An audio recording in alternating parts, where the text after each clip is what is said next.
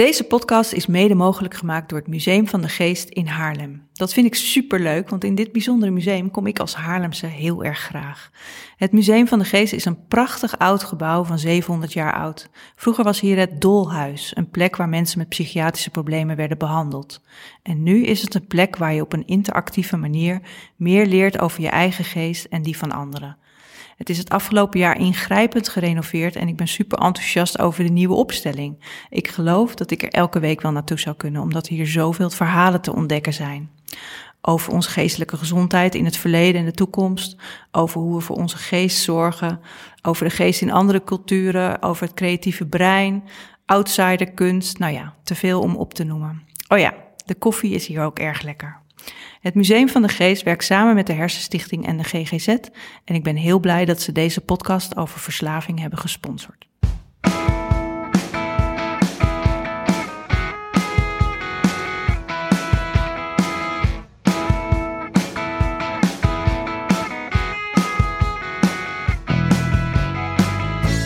Hallo en welkom bij de podcast Gezond Gesprek van Gezondheidsnet. Een podcast waarin we praten over gezondheid, ziekte en leefstijl. Mijn naam is Karine Hoenderdos, ik ben journalist en ik schrijf en praat over gezondheid en ziekte. In deze aflevering praat ik met Robert van der Graaf. Hij is verslavingsarts en werkt in Groningen. We gaan samen kijken naar verslavingen en ook hoe je jezelf kunt helpen om verslavingsgedrag te doorbreken. Hallo Robert, welkom in deze podcast. Dank je. Uh, wij zijn vandaag niet in de studio, maar we zijn op een bijzondere plek. We zijn in het Museum van de Geest in Haarlem. En daar hebben we net al een kleine rondleiding uh, gehad, waarbij ik al merkte dat er van alles in jou opkwam. Nou, misschien uh, komt dat in dit gesprek ook nog naar voren. -hmm. En laten we eens beginnen met, jou, met jouw werk. Want ik zeg dat jij bent verslavingsarts, maar wat doet een verslavingsarts? Ja, een verslavingsarts is een, is een dokter die mensen helpt die vastzitten in een ongezonde leefstijl, om daar weer wat los van te komen. Uh, dus dat is mijn werk eigenlijk. Mensen die willen veranderen uh, om een bepaalde reden. bijvoorbeeld gezondheidsproblemen door een verslaving of sociale problemen, schulden, dat soort dingen. En, en die willen veranderen, maar het lukt niet goed. en die daar hulp bij nodig hebben. En in wat, wat voor instelling werk jij? Of werk je niet in een instelling? Ja, ik werk bij Verslavingszorg Noord-Nederland. En dat is een, een reguliere, losstaande grote verslavingszorginstelling in Noord-Nederland. Uh, we hebben duizend uh, medewerkers. En, en, helpen zo'n 10.000 mensen met voornamelijk de klassieke verslavingen. Alcohol en, en verschillende soorten drugs. Um, ja, dus eigenlijk gewoon reguliere verslavingszorg. En het is de, de oudste verslavingszorginstelling in Nederland. In 1891 is dat opgericht. Um, Jelinek kwam daar later uh, en, en, daarna de andere verslavingszorginstellingen. Dus het is een oude, een oude club, zeg maar. Ja, een oude club. En verslavingen zijn natuurlijk al iets wat uh, misschien wel zo oud is als de mensheid. Wat, uh, toen ik dit gesprek voorbereidde, dacht ik inderdaad ook vooral aan die klassieke verslavingen. Hè? De, de, de alcoholist en uh, de, de harddrukgebruiker die in de goot eindigt. Um, maar volgens mij zijn er veel meer verslavingen. Kun je aan alles ja, verslaafd raken. ja. ja, dat denk ik zoals iemand ook wel. Ja. ja. En dat heeft natuurlijk ook te maken met nou, wat je al zegt, hè, je hebt vaak bepaalde beelden bij het woord verslaving. Dat is inderdaad de typische alcoholist of de, de typische junk of dat soort typetjes. Ja. Maar er zijn er veel meer. Er zijn veel meer mensen die vastzitten in een ongezond gedrag en die daar heel moeilijk loskomen en door in de problemen komen. Ja. Kan je wat voorbeelden noemen? Wat, wat voor mensen zie jij? Nou, een groot deel van de mensen met obesitas. Die overgewicht, zitten... sterk overgewicht, ja sterk overgewicht. En die, die zitten vaak, dat, dat ontstaat natuurlijk niet voor niks. Uh, uh, en die kunnen heel moeilijk uh, hun eetgedrag en hun, hun zitgedrag, hè, inactiviteit, vaak veranderen. En dat speelt natuurlijk ook mee het, het, het zware gewicht. Daardoor kom je moeilijker in beweging, moeilijker uit de stoel. en je krijgt allerlei hormonale veranderingen, allerlei uh, ook sociale veranderingen, want mensen zijn eenmaal gewend dat jij zo bent en zo eet en zo beweegt. En als je dingen gaat veranderen, dan, ja, dan heeft je omgeving daar ook wat van te zeggen. En dus, dus met, heel veel mensen met obesitas, die, die komen er niet vanaf. En zeg jij nu dat uh, iedereen met obesitas, met ernstig overgewicht, eigenlijk verslaafd is aan eten en, en aan, zit, aan weinig, veel zitten, weinig bewegen? Of is het niet altijd zo, maar komt het voor dat mensen met obesitas verslaafd zijn? Nou kijk, obesitas is een, is een bepaald toestandsbeeld van waar je als persoon met je lichaam in kan komen. dat heeft allerlei oorzaken en instandhoudende factoren. Ehm, en als je er vanaf wil komen, is de enige echte behandeling die we hebben, is je leefstijl aanpassen. En dat is niet voor niks, omdat het te maken heeft met wat je eet en wat je weer verbrandt. Ja. En als, je, uh, als het niet lukt om die leefstijl te veranderen, uh, terwijl je het wel wil of zou moeten, ja, dan zit je dus vast in die leefstijl. En dat is wat mij betreft de definitie van verslaving. Je zit vast, je bent verslaafd aan die manier van leven. Ja. Is, is dat ook de definitie van verslaving? Vastzitten in een patroon waar je niet meer uitkomt? Ja, nou je hebt heel veel, soort, heel veel definities van verslavingen. Die veranderen ook in de tijd. Maar economen hebben definities en psychologen, sociologen, dokters, uh, verschillende subtype dokters. Um, een hele dominante theorie is dat het een, een, een soort chronische neuropsychiatrische stoornis is. dus alle verslaafden zijn gek als, je, als je puur kijkt van alleen de mensen die de typische, die, typische junk zijn, of de typische klassieke alcoholist, hè, een man van 45, gescheiden, werkloos, agressief, de hele dag bier drinkend. dan kunnen we zeggen van ja, dat is afwijkend gedrag. Hè, dat willen, daar hebben we wat last van, dus is het ziek. Dus heeft hij een ziekte. Ja. Maar er zijn veel meer mensen die uh, vastzitten in hun alcoholgebruik en daardoor in de problemen komen maar die niet uh, in het plaatje passen van de alcoholist. En die komen dus ook niet in de verslavingszorg. Uh, die sterven vroegtijdig. Uh, en misschien weten heel veel mensen niet van hun dat ze vastzitten in dat gedrag. Dat het verborgen blijft. Ja, en als de, als de, de dominante uh, kijk op verslavingen zo is dat alleen die junk, of die drugsgebruiker en die alcoholist de verslaafde zijn. ja, heel veel mensen passen niet in dat plaatje. Nee. want die werken gewoon en, en, desnoods wel misschien op een, minder goede baan dan wat ze zouden kunnen. Uh, eh, gaan, uh, na een echtscheiding hebben ze een, een, tweede relatie met een tweede leg. En zeker veel dokters zie je het wel. Hè. Er zijn heel veel dokters ook die, die verslaafd zijn. maar die hebben vaak een goede baan, goed inkomen, goed netwerk, zijn slim en kunnen het heel lang volhouden. Dus jij pleit er eigenlijk voor om verslaving niet langer te zien als een psychiatrische aandoening. Wat, en ook om dat stigma van, ja, dat zijn de mensen, de junks en de alcoholisten. Maar om het breder te zien als iets, een gedragspatroon waar je in zit, waar je niet zelf uitkomt. Ja, en waarmee je in de problemen komt. En, ja. en dit is ook, als je kijkt naar al die theorieën uh, en definities van verslaving, hè, vanuit al die gezichtspunten. Uh, dan zijn dat de gemeenschappelijke kenmerken. Het is iets waar je niet mee geboren wordt. Hè, dat leer je tijdens je leven. Van mensen om je heen, voorbeelden, de kudde waarin je opgroeit. Mm -hmm. Op een gegeven moment ga je het doen. En dan denk je hé, hey, dit is lekker, dit is aangenaam. En doe je het nog een keer, nog een keer. En een deel komt in de problemen. Uh, zal dus beter kunnen veranderen als het niet lukt. Ja, dus dat zijn wel de gemeenschappelijke elementen in al die definities van dus de sociologen, de economen en de dokters en psychologen. Uh, dus het is niet een.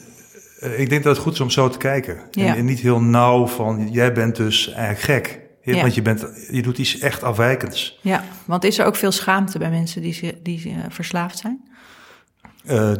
Nou, er is zeker ook met dat stigma van je bent dus eigenlijk echt heel afwijkend.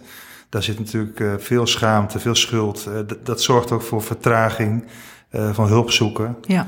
Ehm, en en je merkt het ook in de, in de zorg. Ik, ik sprak gisteren nog een collega en die had een patiënt in behandeling. Die was eigenlijk die was eh, getraumatiseerd tijdens een, uh, op de spoedeisende hulp.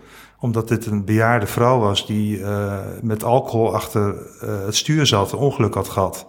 En die werd gewoon als, als een soort, nou ja, paria weggezet. En die vrouw was helemaal, helemaal van slag. En heeft, had wel, een, dronk te veel. Mm -hmm. Maar dus de, de benadering ook van veel mensen, ook in de zorg, van mensen met een verslaving, dat is niet oké, okay, denk ik. Nee. En zeker niet omdat we, we hebben uh, zoveel leefstijlgerelateerde ziektes, dus eigenlijk verslavingsgerelateerde ziektes.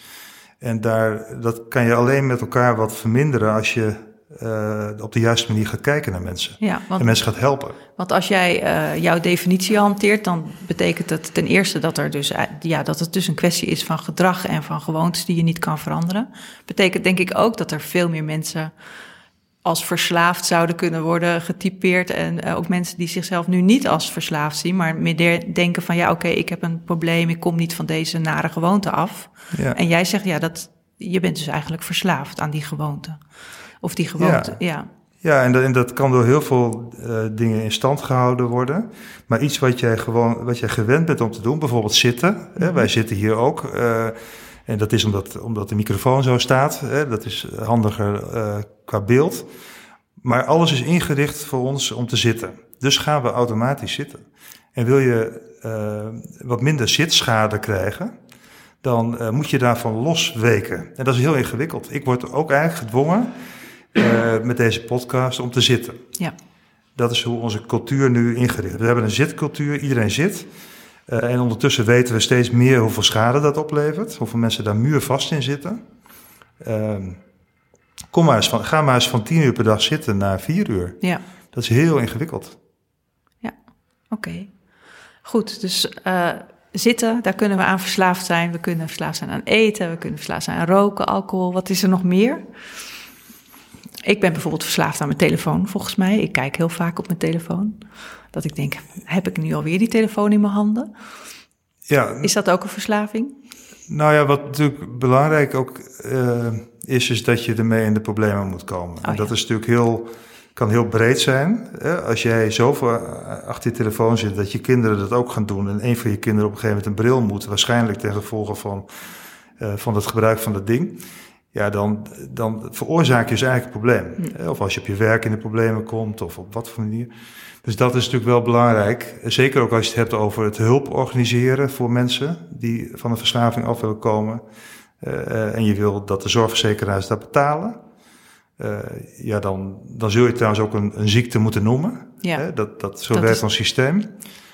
Uh, maar dat, dat kan je eigenlijk niet plakken op iets waar je geen problemen mee krijgt. Nee, oké. Maar dan wil je het ook niet veranderen, toch? Als je er geen problemen mee hebt, denk nee, ik. kijk, als roken bijvoorbeeld niet zoveel uh, risico's had... Uh, dan, ja, dan kan iedereen gewoon roken. Ja. maar dat is het, het, het, het lullige hiervan natuurlijk... is dat er gewoon zoveel mensen ziek van worden en dood gaan. Ja, ja. En is verslaving nou echt iets puur menselijks, iets wat ingebakken zit in onze geest? En is de ene mens gevoeliger voor verslaving dan de ander? Uh, ja, ik denk dat het heel, heel natuurlijk is dat we uh, de neiging hebben om te doen wat de kudde om ons heen doet. We zijn kuddedieren ja. en we zijn ook gewoontedieren. Uh, en zeker dingen die, die prettig voelen, die, gaan, die hebben de neiging om nog een keer te doen. Ehm, dus het is heel natuurlijk. En als je iets wil veranderen wat je heel vaak gedaan hebt, waar je gewend aan bent, dan voelt dat heel onwennig en dat zijn ontwenningsverschijnselen. Ja. dan ga je in detox. En dat voelt niet prettig.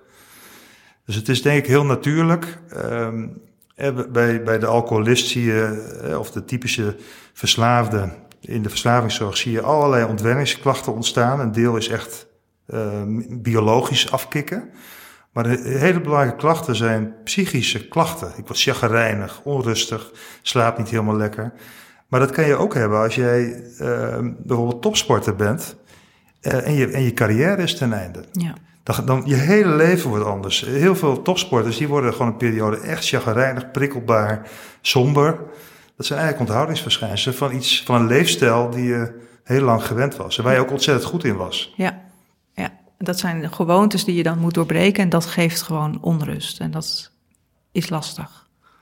Ja, en, en wat je dus moet uh, veranderen, is dus ook afhankelijk van wat we als maatschappij vinden wat je moet veranderen. Ja. Want in de jaren uh, 40 rookten al veel men mensen, vooral mannen. Maar na de Tweede Wereldoorlog is dat echt exponentieel gestegen. En werd roken echt de norm uh, onder alle Nederlanders. Ja. Dus de niet-roker werd een paria. En nu uh, weten we dat roken zo schadelijk is dat we dat proberen terug te dringen en worden de rokers een paria. Dus Ja. vroeger was roken abnormaal, toen werd het normaal en nu wordt het weer abnormaal. Ja. En zeggen we zelfs, het is, het is een verslaving. De mensen die niet kunnen veranderen zitten dus vast, doen iets wat niet meer de norm is. Ja, en dan pakken we het etiket verslaving. Ja. Maar dat doen we dus nog niet met, met zitten, want we zitten allemaal en dan zouden we dus allemaal verslaafd zijn. Ja, want is dat etiket nou goed of is dat niet goed? Ja, dat, dat hangt er dus vanaf. Kijk, als jij, als we nu naar, naar steeds meer uh, wetenschappelijke kennis kijken over de schade van zitten, uh, dan, uh, ja, dan kunnen we niet anders concluderen dan dat we minder moeten zitten. maar ondertussen zitten we allemaal. Dus voordat we het echt als norm gaan, gaan vinden dat we bijna niet meer moeten zitten, ja, dat is een hele lange weg te gaan. Ja. Dat, daar gaat waarschijnlijk 40, 50 jaar nog overheen voordat we echt accepteren van zit, zoveel zitten is wel echt verslavend of pathologisch. Ja. En, en je zei, dat, dat triggerde mij van, uh, ja, alle leefstijlaandoeningen zijn eigenlijk verslavingsaandoeningen. Wat bedoel je daarmee? Nou, dat uh, uh, de leefstijlgerelateerde aandoeningen zijn veroorzaakt door een ongezonde leefstijl. Ja. En, dat, en je krijgt niet, een, niet COPD door, door één sigaret te roken. Dat moet je vaker gedaan hebben. Ja. Uh, en, en uh, diabetes en hart- en vaatziekten. En... Dat geldt hetzelfde. En uh, mensen weten vaak wel of ze bepaald gedrag net even te veel doen. want, want je krijgt natuurlijk alle informatie binnen. en heel lang, als je iets gewend bent om te doen, heb je de neiging natuurlijk om. En te, een roker wil een tevreden roker blijven zolang als het kan. Ja. Tot het niet meer kan omdat de sociale druk groter wordt om te veranderen. Of omdat hij ziek wordt. Of omdat hij ziek wordt. Maar een chipseter wil een tevreden chipseter blijven. En een bierdrinker of een bankhanger een tevreden bankhanger. Zo lang mogelijk. Want uh, dat geeft je comfort. Dat ben je gewend ook. Hè? Dus dat, dat, en het voelt prettig. Ja. Dus dan ja. hebben we het over gedrag en uh, hoe moeilijk het is eigenlijk om gedrag te veranderen. Ja. En, um, maar hoe doe je dat dan eigenlijk? Als je verslaafd bent en je, wil, en je, je bent een chipseter en je, en je merkt dat je er dikker van wordt en je wilde dus mee stoppen. Maar elke avond weer om tien uur denk je, oh, ik heb ineens zo'n zin in chips, omdat dat nou eenmaal jouw chipsmoment is. Ja. ik noem maar wat. Ik heb geen chipsmoment, maar ik heb weer andere momenten. Maar uh, hoe, hoe pak je dat dan aan? Ja, dat, uh, dat is een heel proces. Hè. Je hebt, uh, wat ik zei, uh, bent niet geboren chips eten. Dat leer je vaak al op jonge leeftijd uh, in het gezin waar je opgroeit en met je vriendjes en op, op verjaardagen. Uh, enorm belonend. Ja. Hè? Dat is echt wordt het getrakteerd. En, uh, Aan ja. alle kanten wordt het, ja. zit daar een, beeld omheen van dit moet je gewoon doen om, te, om het leven te vieren en verjaardagen zetten. dus op jonge leeftijd raken de kinderen in onze cultuur in ieder geval verslaafd. Die zitten vast aan, aan dit gedrag. Ehm, en hoe vaker je het doet, hoe beter je erin wordt. En uh, kinderen, mijn kinderen ook, die als het er is, dan. Uh, en de een wat meer dan de ander, dan probeer je het ook gewoon op andere momenten nog te nemen. En mijn dochter bijvoorbeeld, die heeft de neiging om, om gewoon door de week het ook uit de kast te trekken. Uh, wil je dat voorkomen, moet je zorgen dat je het niet hebt. Als het niet is, en zeker een kind die kan van, van, van een jaar of zes, zeven, die kan het dan niet kopen bij de winkel. Dus dat is een van de dingen. Dus je fysieke omgeving uh, anders inrichten. Ja, dus ja. wil je geen chips meer eten, of geen koekjes, frisdrank, et cetera. Dat zwaar bewerkte uh, ja, junkfood, hè, dat heet niet voor niks zo. Uh, dan, dan zul je in ieder geval je privéomgeving moeten veranderen. Ja. Um, maar, en dat is al een hele tour op zich. Want je bent gewend om het elke keer in je, in je supermarktkarretje te stoppen, mee naar huis te slepen in je het, is in de, het is in de bonusaanbieding of wat dan ook. Ja, ja, ja, maar ook je hebt vaak een vaste plek voor je snoeppot en voor je chips en je, en je cola. Uh, en als het daar niet meer staat, dan voelt dus die kast in één keer heel anders. Er mist iets. Uh, dus daar zul je dan toch wel actief mee bezig moeten om, dat gewoon, om daar iets anders neer te zetten. Om daar een andere betekenis aan te geven. Dus het is herinrichten van je omgeving. Uh, dus een, een ook met, zelf met je partner of vrienden gewoon eens kijken hoe is mijn omgeving ingericht. Uh, daar een analyse van te maken is echt, echt, heel goed. Als je minder wil zitten is het bijvoorbeeld heel belangrijk om te kijken van hoeveel stoelen heb ik eigenlijk. Ja. ja wat is mijn lievelingsstoel? Uh, en waar staat die? En, en, en waar staat die? Ja. Rokers hebben lievelingssigaretten, hè, s ochtends de eerste of na het avondeten. Uh, bierdrinkers hebben ook hun lievelingsmomenten qua bier drinken. Uh, En zo heeft iedereen dus daar, daar zicht op krijgen in je, je eigen gedrag, wanneer je het doet, uh, waarom je het doet, met wie je het doet. En kijken hoe jouw omgeving uh, de, jouw gedrag stimuleert. En dan zul je daar op een gegeven moment wel keuzes in moeten maken. Om ja, dus dat is de, de bewustwording. En volgens mij ben je ook een fan van registratie, hè? om het gewoon op te schrijven van uh, ja, dan eet ik of dan rook ik of dan. Ja, meten is weten. En uh, wat ik zei, als jij uh, dingen wil veranderen, is het heel goed om, om zo goed mogelijk te kijken van wat doe ik nou eigenlijk. En daar eerlijk in te zijn. Ja. Ehm, ik, ik, ik geef veel patiënten ook altijd of adviseer ik om eens een soort 360 graden feedback uh, te vragen. Hè? Dus dat je je partner, je kinderen, buren, collega's vraagt van nou, hoe, hè, hoe zie jij mij met mijn de hele dag door uh, chocola eten en, en koekjes, et cetera. of roken. Uh, dat lijkt me best wel confronterend, of niet? Ja, natuurlijk is het confronterend. Want het, het, gaat over je eigen gedrag, het gaat over je kwetsbaarheid. Over je...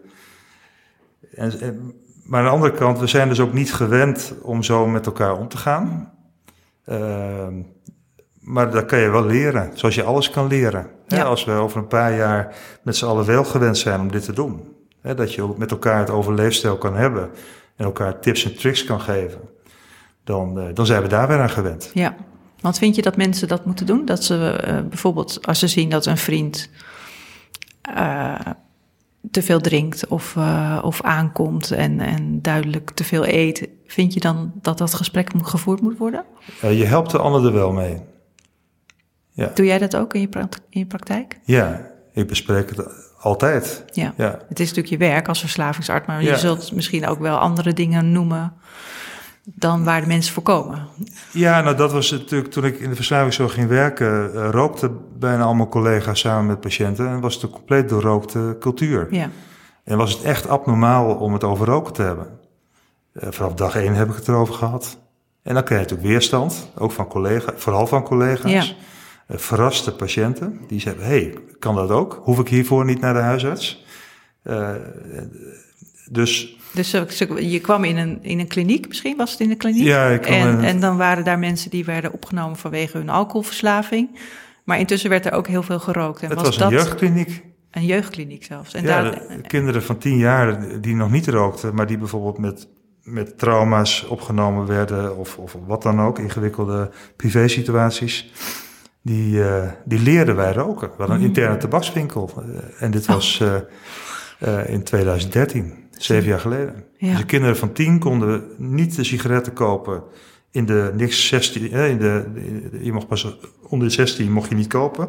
Dus dat, dat lukte niet bij de Albert Heijn en de Jumbo. Maar wel in de kliniek Maar wel zelf. in onze eigen tabakswinkel van ons zakgeld. Ja. Dat wij gaven. En erger nog, de artsen die hun behandelden, die rookten met ze mee. Uh, ja, samen. Ja. ja. En we leerden ze eigenlijk van als je gestrest bent.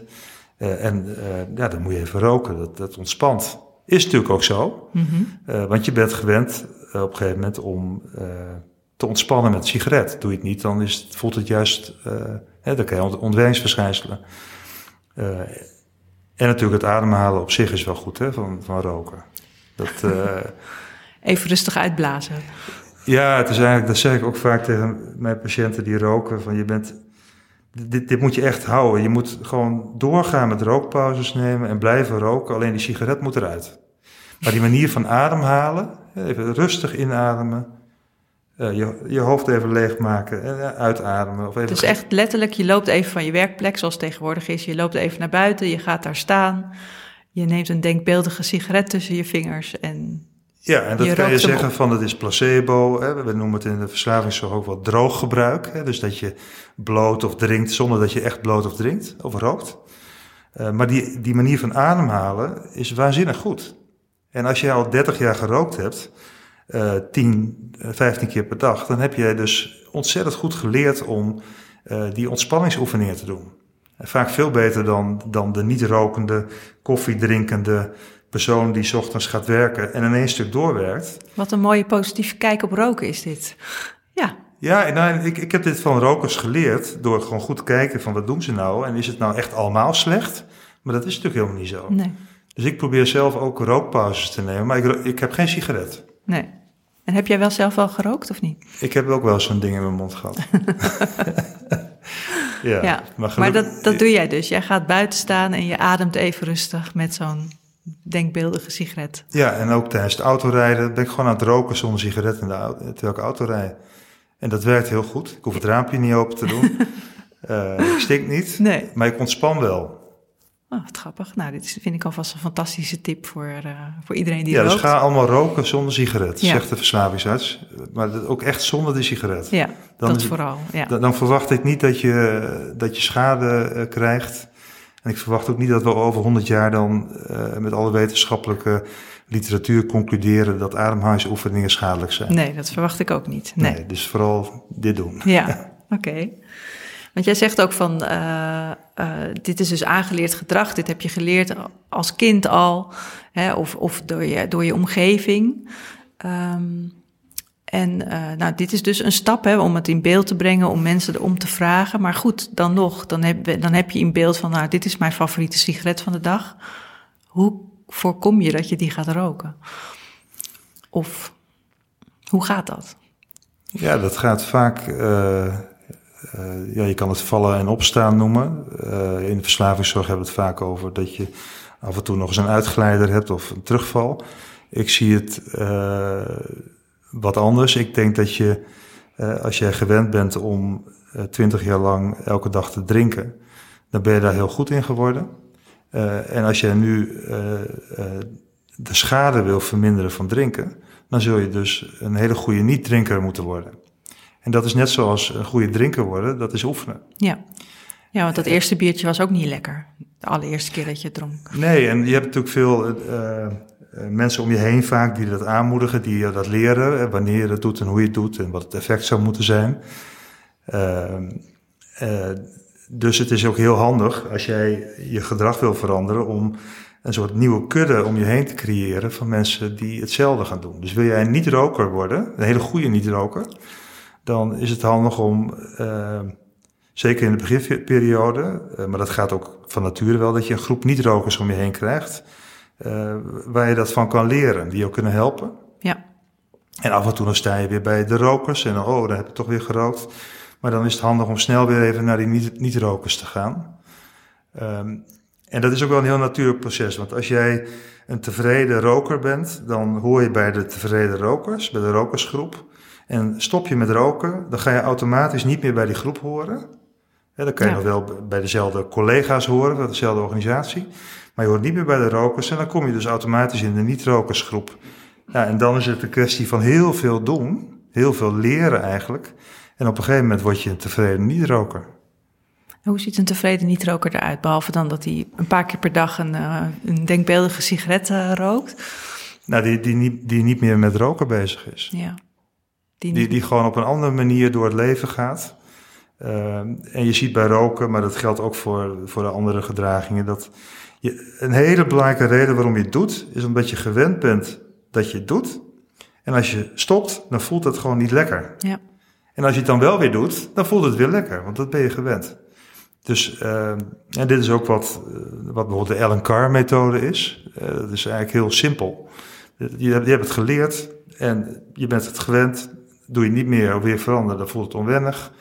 En het is heel lastig. Uh, dus, en, je, en daar kan je in blijven zitten door heel krampachtig te zeggen van ik ben uh, al twintig jaar in herstel en ik mag nooit meer drinken en zo. Mm-hmm. Maar je kan ook je focus verleggen en daar geloof ik in. Namelijk dat jij uh, gewoon op een andere manier leven wil, wil leiden. En dat ga je leren. Ja. Uh, en, en, dat zien als een leerproces, dat is essentieel. Dat je ziet van, oké, okay, ja. ik, ik, kan, ik ga hier fouten bij maken en dat is, dat is normaal, want ik moet dit leren. Ik moet leren om een niet-roker, niet-drinker ja. te worden. Ja. Kijk, en, en als wij, uh, als je op je dertigste, veertigste, vijftigste of zestigste uh, iets nieuws wil leren, dat gaat vaak minder snel dan als je kind bent. Ja. Een vierjarige is binnen no time een hele goede chips eten. Zeker als je het niet begrenst. Dan gaat het elke dag door. Uh, dus die leercurve als je jong bent is heel snel. En dat komt voor een deel omdat je op een hele speelse manier leert. Uh, je mag fouten maken. Een baby die, die wil lopen, die valt continu op zijn kont. Uh, maar staat weer op met een grote lach. Ehm, maar dat zijn we verleerd als we ouder worden. Dus als je ouder bent en je gaat iets nieuws leren, dan, dan, dan dat, dat leerproces gaat, gaat trager. En dat is voor een deel biologisch, maar er zit ook een hele kramp in van, oeh, het moet wel goed. Hè? En het is een gestreste manier van leren, waardoor het lastiger gaat. Dus ik probeer ook mijn patiënten altijd adviseren om te kijken naar kinderen in hun omgeving. En, en ga kinderen kopiëren. Hoe zij leven, dat is eigenlijk hoe wij ook zouden moeten leven en zouden moeten leren. En wat bedoel je daarmee? Hoe... Spelende wijs. Ja, ja, spelende wijs. Dus als je op je, op je kont valt, uh, doe geniet ervan hè, dat je op je kont kan vallen. Er zijn ook mensen die niet op hun kont kunnen vallen, want dan breken ze iets. Ja. Dus als jij dat nog kan, dan. Dus, dus ga juist uh, gewoon lekker oefenen. als je de bal niet op het doel schiet, dan scoor je sowieso nooit. Dus je moet gewoon zoveel ik hoor, mogelijk Ik hoor iets Cruyffiaans nu. Ja, nou ja, dat, ja. ja. Zo heb ik ook vroeger uh, goed leren hockeyen. Duizenden keren de bal op, de, op, het, op het doel schieten. Duizenden keren, duizenden keren. En op een gegeven moment kijk je met je ogen dicht. Ja. Van de achterlijn schiet je me zo het doel in. Ja. Ja, en dat, is iets wat, uh, wat jij als kind uh, en wat misschien in de sport überhaupt heel gewoon wordt gevonden. Of als je een muziekinstrument leert bespelen, dan is het heel normaal dat je de noten misslaat ja. uh, in het begin. Maar als het gaat om gedrag veranderen, dan is het ineens heel rigide. Dan is het alles of niks. En uh, pak je die sigaret, dan is het weer mislukt. En dat, bedoel je dat zo? Ja, en dan ja. zitten veel... Uh, mensen hebben vaak uh, laag zelfvertrouwen. Hè, en ze voelen mensen kijken. Hè, van, is hij weer, nou weer begonnen met, met, met junkfood eten? Ja. En dan, ik zie veel patiënten die, die het gewoon dan... Die komen dan stiekem bij mij. Hebben niemand verteld dat ze, dat ze willen veranderen. Hè, of die zeggen van dit is echt de allerlaatste poging, dan geef ik het op. En niemand ja. vertellen dat je wil veranderen, is dat een, dat lijkt me geen goede strategie. Omdat je het had over die kudde, uh, dat kudde, je, je nieuwe kudde vinden. Ja, dus, dus je, het kan niet anders dan dat je op een gegeven moment het openbaart dat jij uh, niet meer bij de bierdrinkers of de dagelijkse bierdrinkers hoort. Hè? Maar ja. doe het nog maar één keer per maand voor de gezelligheid. Ja. Dus dat, dat, die zelf, vorm van zelfonthulling, uh, dat, gaat, dat, dat komt toch. En dan kan je maar beter een beetje plezier maken en op een plezierige manier met anderen gaan leren. Uh, dat, dat is eigenlijk de beste manier. Ja, oké. Zelfonthulling, dat is het woord ervoor. Dat je, je laat zien van, uh, jongens, ik heb hier een probleem mee en uh, ik, wil, ik wil mijn gedrag veranderen. Ja, en dat doen kinderen ook. Hè. Die willen iets leren en die laten dat zien. Ja. En, de, en dan gaan ze gewoon lekker spelen. En dan gaan ze je om hulp vragen en dan ga je het voordoen. En dan, ja, dat, dat is, dat is, dat is de, de manier om te, om te leren en te veranderen, denk ik. Ja. Er moet ontspanning in komen. En, en dat zou mooi zijn als mensen zich dat meer gunnen. Uh, dus ze moeten zich ontspanning gunnen, maar ook tijd, denk ik. Hè? Dus niet alles of niks van morgen stop ik met roken. Maar je kunt beter zeggen, ik neem een jaar de tijd om te stoppen met roken. Ja, het is een heel leerproces. Ja. Je kan ook niet zomaar in één keer piano spelen. Nee. Dat lukt ook sneller als je zeven bent en je begint dan als je 45 bent. Ja. Maar als je dat, als, als je dat wil... Of, of de Rubik's, of, of de Rubik's Cube op, uh, kubus oplossen, dat zag ik je net even doen. Ja, ik heb dat op late leeftijd geleerd. Omdat mijn oudste zoon, die wilde dat leren. Nou, dat was, uh, dat was wel even een leidensweg. voor jou of voor je zoon? Nee, voor mij. ja. En uh, ik, ik, was wel de eerste van ons twee die het onder een minuut kon oplossen. Maar ik heb het echt, echt ingestudeerd ook. En, en, en heel veel oefenen. Op een gegeven moment kon ik het. En ik, uh, ik stuurde dat filmpje van onder de minuut naar hem via een WhatsAppje. En 16 minuten later kreeg ik een filmpje terug. En zat hij op 45 seconden. Ja. En, en, nu kan dit in, in 15 tot 20 seconden standaard. Nou, mijn, mijn handen gaan niet zo snel, mijn brein is niet zo snel. Ja. Ik kan hem oplossen. Ja. En daar ben ik tevreden mee. Maar hij is echt virtuoos. Ja. In, uh, en dat is een mooi voorbeeld van hoe jongeren, hoe snel jongeren leren en hoe stijl hun leercurve is. En dat je als oudere dus er langer over doet om je gedrag te veranderen. Ja, zo werkt het nou helemaal. Maar, maar er zitten wel, als ik dan ook kijk naar mijn eigen Rubik's Cube, leer, Cube leerproces. En dan kijk je ook naar anderen. Je gaat kopiëren. Je Ja. gaat voorbeelden zoeken van mensen die, er al, die dit al kunnen. Dus als jij een roker bent, zoek niet-rokers op. Of, of een aantal ex-rokers die, die ook dat leerproces hebben doorgemaakt. Uh, dus wil je je eetpatroon veranderen, ga echt op zoek naar mensen die, die eigenlijk het gedrag vertonen wat jij graag wil leren. Of zou moeten leren. Ja. Film, dat, kan, dat kan met filmpjes, Maar het is nog sterker als je een paar mensen uh, in je netwerk hebt die jou, waar je echt de, de, de, ja, de fijne kneepjes van het gezonde etenvak van kan leren. Ja, en helpt het ook als je als verslaafden onder elkaar een clubje vormt? Of is dat lastiger? Is het beter om een goed voorbeeld uh, te volgen? Uh, nou, als het een clubje is die, uh, die allemaal uh, van deze verslaving af wil en iets anders wil gaan doen, dan lijkt het me heel goed om zo'n clubje te hebben. Ja. Maar als er maar een aantal mensen in zitten die eigenlijk in die verslaving willen blijven hangen, ja, dan kan het je hele kudde weer de verkeerde kant op ja, drukken. Ja, dat snap ik. Ja. Ja. En um, jij doet een opleiding tot leefstijlcoach, weet ik. Ik bedoel, je bent arts en je doet toch een opleiding tot leefstijlcoach. Wat is, wat is de gedachte daarachter? Uh, dat was voor mij uh, vooral, vooral, bedoeld om, uh, om eens een nog betere ja, kijkje te nemen in de keuken van de voedingswereld. En, en de, de, de zit- of beweegwereld. En de, kijk, leefstijlgeneeskunde dat is een, ja, een recent vak wat, wat zich ontwikkelt uit um, hart-vaatziekten, obesitas, diabetes en dat soort ziektes. Ja. Dus uit die wereld komt dat. Dat zijn de artsen die zich daarin verdiepen, in die leefstijlfactoren die onder die ziektes liggen. Precies, en, Ja. dan, en zoals het dan altijd gaat, hè, als het dan uh, belangrijk iets is, uh, en maar genoeg mensen gaan zich daarmee bezighouden, dan ontstaat er een nieuw medisch specialisme. Ja, Uh, maar het is eigenlijk niet anders. En dat, dat was mijn zoektocht ook. Ik dacht, het is volgens mij niet anders dan de hele rookstopwereld die ontstaan is uit de longgeneeskunde. ja, En volgens mij is het ook niet anders dan de hele verslavingszorg, wat ontstaan is uit maatschappelijke overlast van junks en alcoholisten. Want Ja. het is namelijk zorg gericht op het mensen helpen om hun leefstijl te veranderen. En daarom ben ik die opleiding gaan doen om, om een beetje gestructureerd mensen te leren kennen, kennis te krijgen. En mijn hypothese van eigenlijk is het allemaal hetzelfde, om dat te checken. ja. En? Het is allemaal hetzelfde. Het is één pot nat. Het is Ja. één pot nat, maar Ja. elke verslaving heeft weer unieke kenmerken natuurlijk. Elke lichamelijke ziekte ook ten gevolge van psychische klachten of sociale problemen. Maar ja, gedragverandering is gedragverandering. Ja, En dat is heel ingewikkeld, maar het kan wel. ja. En dat coachen van de leefstijlcoach, doe je, is dat iets wat jij ook doet in je werk? Ben jij een coach? Ben jij meer een coach dan een arts die zegt, je moet dit of dat doen? Ja, maar dat, maar dat was ik dus eigenlijk al. Ehm, want als je, als je je gedrag wil veranderen, eh, dan uh, dat moet je zelf doen. Eh, en je gaat vaak naar een dokter met een klacht en dan vraag, verwacht je van de dokter dat hij een oplossing heeft. Ja. Zo fijn is dat, als hij een oplossing heeft. Ja, dat, dat is natuurlijk prachtig. Alleen als je het hebt over uh, verandering van je eigen leefstijl en dus ook je eigen leven, uh, dat moet je zelf doen. Ja. Dus je kan wel, als, dat doe ik ook, ik geef tips.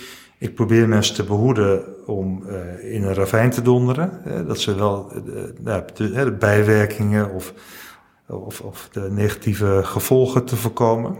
Want soms moeten bijvoorbeeld medicatiedoseringen aangepast worden als je je leefstijl verandert. Bij roken is dat bijvoorbeeld heel duidelijk. Dus dat is de kennis die je mee kan brengen.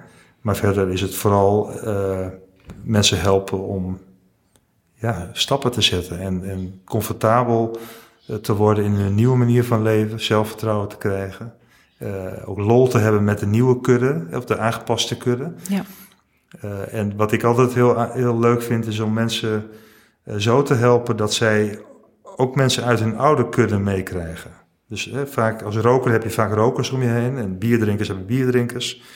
we zijn sociale dieren, kuddedieren. En om dan die kudde ook mee te krijgen in het net wat, nou, wat gezondere manier van leven. Ja, want dan krijg je zo'n olievlekken-effect. Maar het is natuurlijk wel zo dat rokers die gestopt zijn met roken vaak van die apostelen worden tegen ja. het roken. En dat werkt denk ik niet. Maar het werkt dus beter als jij laat zien van... hé, hey, mijn leven is leuker, relaxter, ontspannender door het niet roken. Uh, ja, maar er zijn ook genoeg apostelen die, uh, die, die, heel veel, die een enorme beweging creëren. Mhm. Mm -hmm. Dus als het bij jou past uh, en ook bij jouw nieuwe leven dat je apostel wordt, nou ja, dus geen chips meer eten en junkfood. Nou, prima. Ja. Okay. dan krijg je vanzelf ja, de, de volgers of de, de mensen in jouw kudde die bij jou horen. Ja. Volgens mij is dat niet een, niet een probleem. Nee, oké. Goed. Um, ik wil het nog even met je hebben over roken, want volgens mij is dat wel echt jouw uh, grootste onderwerp. Uh, en ik heb ook gelezen dat je hele hoge ambities hebt. Je wil uh, de, de jeugdzorg rookvrij maken. Je wil de provincie Groningen rookvrij maken. Wat zijn je plannen? Vertel. Nou, wat ik eigenlijk elke keer voor ogen hou, is, dat vind ik echt heel belangrijk, is dat we ehm, uh, proberen met z'n allen als volwassenen te zorgen dat uh, kinderen niet op jonge leeftijd al verslaafd raken. Dus muur vastzitten en later in de problemen komen. Uh, en bij roken, ehm, ja, daar word je ook niet mee geboren. Dat leer je dus in de kudde waar je opgroeit.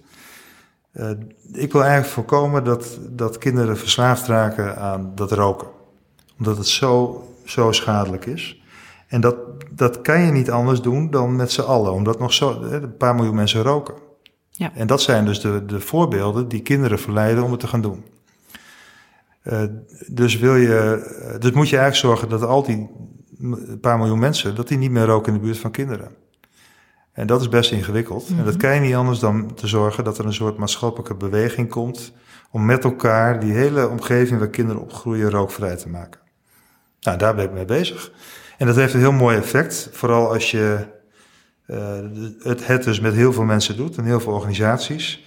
Dan krijg je bijvoorbeeld ook uh, in Groningen, uh, we willen de provincie rookvrij maken, hoge ambities voor, voor kinderen. Hè? dat betekent niet dat er een rookverbod hoeft te komen, mm -hmm. maar in ieder geval zorgen dat kinderen niet gaan roken.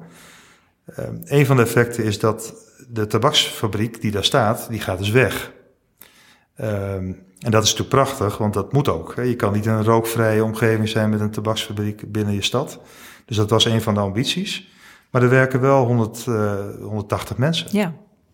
Uh, dus we hebben binnenkort een gesprek met de wethouders en met heel veel van deze partijen. Om te kijken of we mee kunnen denken met een sociaal plan. Ja, precies, want dat heeft al consequenties. En die, uh, ja, en ook al is het natuurlijk niet de verantwoordelijkheid van een, een zorgverzekeraar of een uh, verslavingszorg Noord-Nederland om uh, mee te denken met als een bedrijf weggaat. Mm -hmm. hè, met, maar we vinden wel, uh, en dat merk ik, omdat het een beweging is, sociale beweging, vinden we ons ook wel verantwoordelijk om mee, in ieder geval mee te denken. Ja. Hè, want dit is wel onderdeel van het gezonder maken van de omgeving waar kinderen opgroeien. Ja. Dat vinden we echt belangrijk. Dat, die fabriek moet weg. Hè, misschien een museumpje nog hè, daarvan maken. Uh, nou, daar moet je dus ook mensen meedenken, helpen. Hè, misschien dat een aantal mensen ook wel bij ons in dienst kunnen. Hè, en kunnen meehelpen om mensen van de rook af te krijgen. Ja. Ze hebben veel kennis al over roken. En ze werken bij een tabaksfabriek. Nou ja, dus die manier van denken met elkaar, stapje voor stapje, de omgeving maar hoe doe je dat dan? Heb je dan heel veel organisaties die jij aan elkaar knoopt en, ja. en zorgen dat de scholen dit oppakken en dan de universiteit misschien en noem maar op? Is het een soort olievlek? Het is echt een olievlek, maar, ja. maar uh, het, ik dacht uh, jaren geleden van het is heel handig om, om een aantal hele grote organisaties te pakken waar ontzettend veel mensen werken. Kijken of je die op bestuurlijk niveau kan binden op een, met dezelfde visie. Vandaar gaan we naartoe. Al die mensen hebben panden. Daar kan je, die kan je herinrichten. Geef eens een voorbeeld van zo'n organisatie. Uh, nou, de FC Groningen, uh. Mensenzorgverzekeraar, UMCG, universiteit. De universiteit heeft ontzettend veel gebouwen. Ja. Uh, daar kan je met bebording natuurlijk dingen doen, rookvrij borden. Maar ze hebben ook tienduizenden personeelsleden. En die hebben allemaal een gezin, of een groot deel, en familie.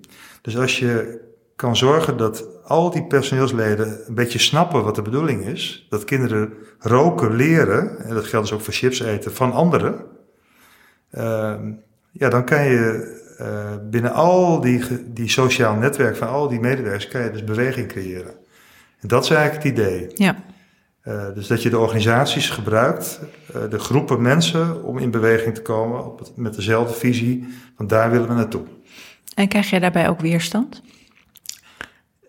Ja, als je gewend bent iets te doen en je gaat veranderen, dat voelt onwennig. Ja.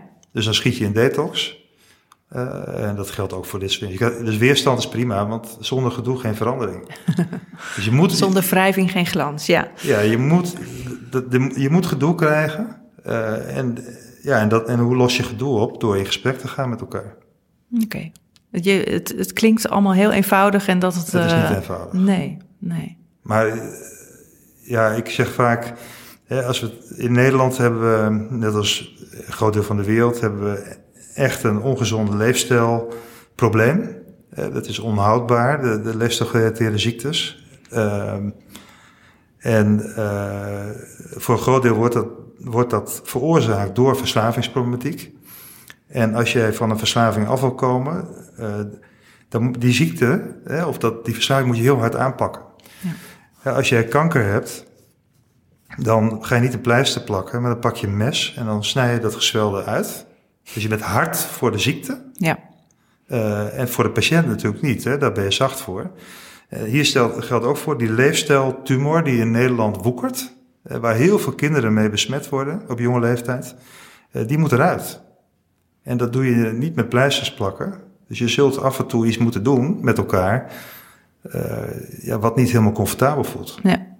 Maar dat geeft niet, want er zijn heel veel andere leuke dingen waar je ook prettig bij, bij kan voelen. Ja, precies. en roken zonder sigaret bijvoorbeeld. Ja, dus, ik ga het straks meteen proberen. Ja, dat is echt heel Ik ga gewoon starten met roken na dit gesprek, maar dan, maar dan anders. Ja, precies. Oké. Ehm, en dan tot slot, als jij, um, stel jij hebt uh, een patiënt tegenover je en die zegt van, uh, dokter help me, ik heb die verslaving, ik wil er van af. Wat zijn jouw drie beste tips die jij geeft? Want je zegt, ik geef vaak tips. Nou, heel belangrijk is, uh, is om hulp te zoeken. Dat is dan in dat geval zo, zo maar ja. ook in je privéomgeving en eventueel werk, dat je één of een paar mensen hebt met wie je het hierover kan hebben en, en, die met je mee willen in dat veranderingsproces. Die ja, dus als iemand nu luistert en die is niet jouw patiënt en die denkt, ik heb inderdaad verslaving, ik heb een probleem, zoek hulp. Uh, dat kan natuurlijk bij een arts zijn, maar het kan ook zijn in je omgeving.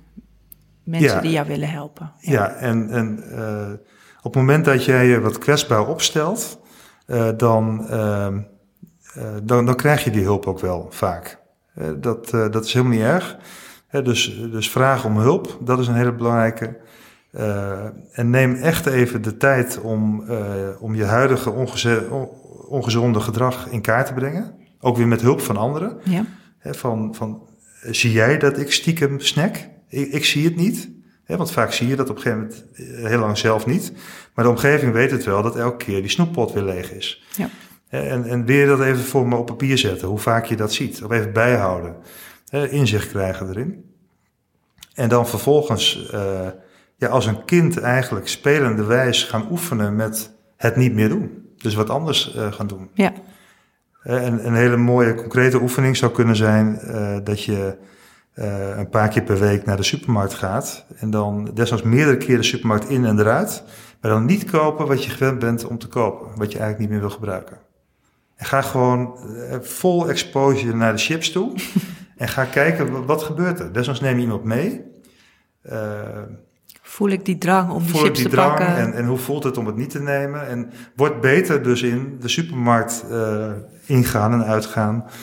Uh, zonder dat je dat spul meeneemt. Maar dat je wel de, de goede dingen meeneemt. En dat is ook oefenen, want je gaat automatisch naar dezelfde schappen. Ja. Dus je moet die andere schappen gaan vinden en gaan zien. En, en, ja, en dat moet natuurlijk ook leuk worden. Ja. ja, mooi. Mooie tips, mooie concrete tips. Dank je wel. Uh, Robert heel erg bedankt voor dit gesprek. Uh, je luisterde naar Gezond Gesprek, een podcast van Gezondheidsnet, gepresenteerd door Carine Hoenedos met producer Jonne Serize. De tune is van de Yearlings. Kijk voor meer informatie over verslaving op www.gezondheidsnet.nl. En wil je reageren op deze uitzending? Via Twitter zijn we te bereiken, via Van Carine en Gezond Nieuws. Abonneer je vooral ook op iTunes of laat andere mensen weten wat je van deze podcast vindt.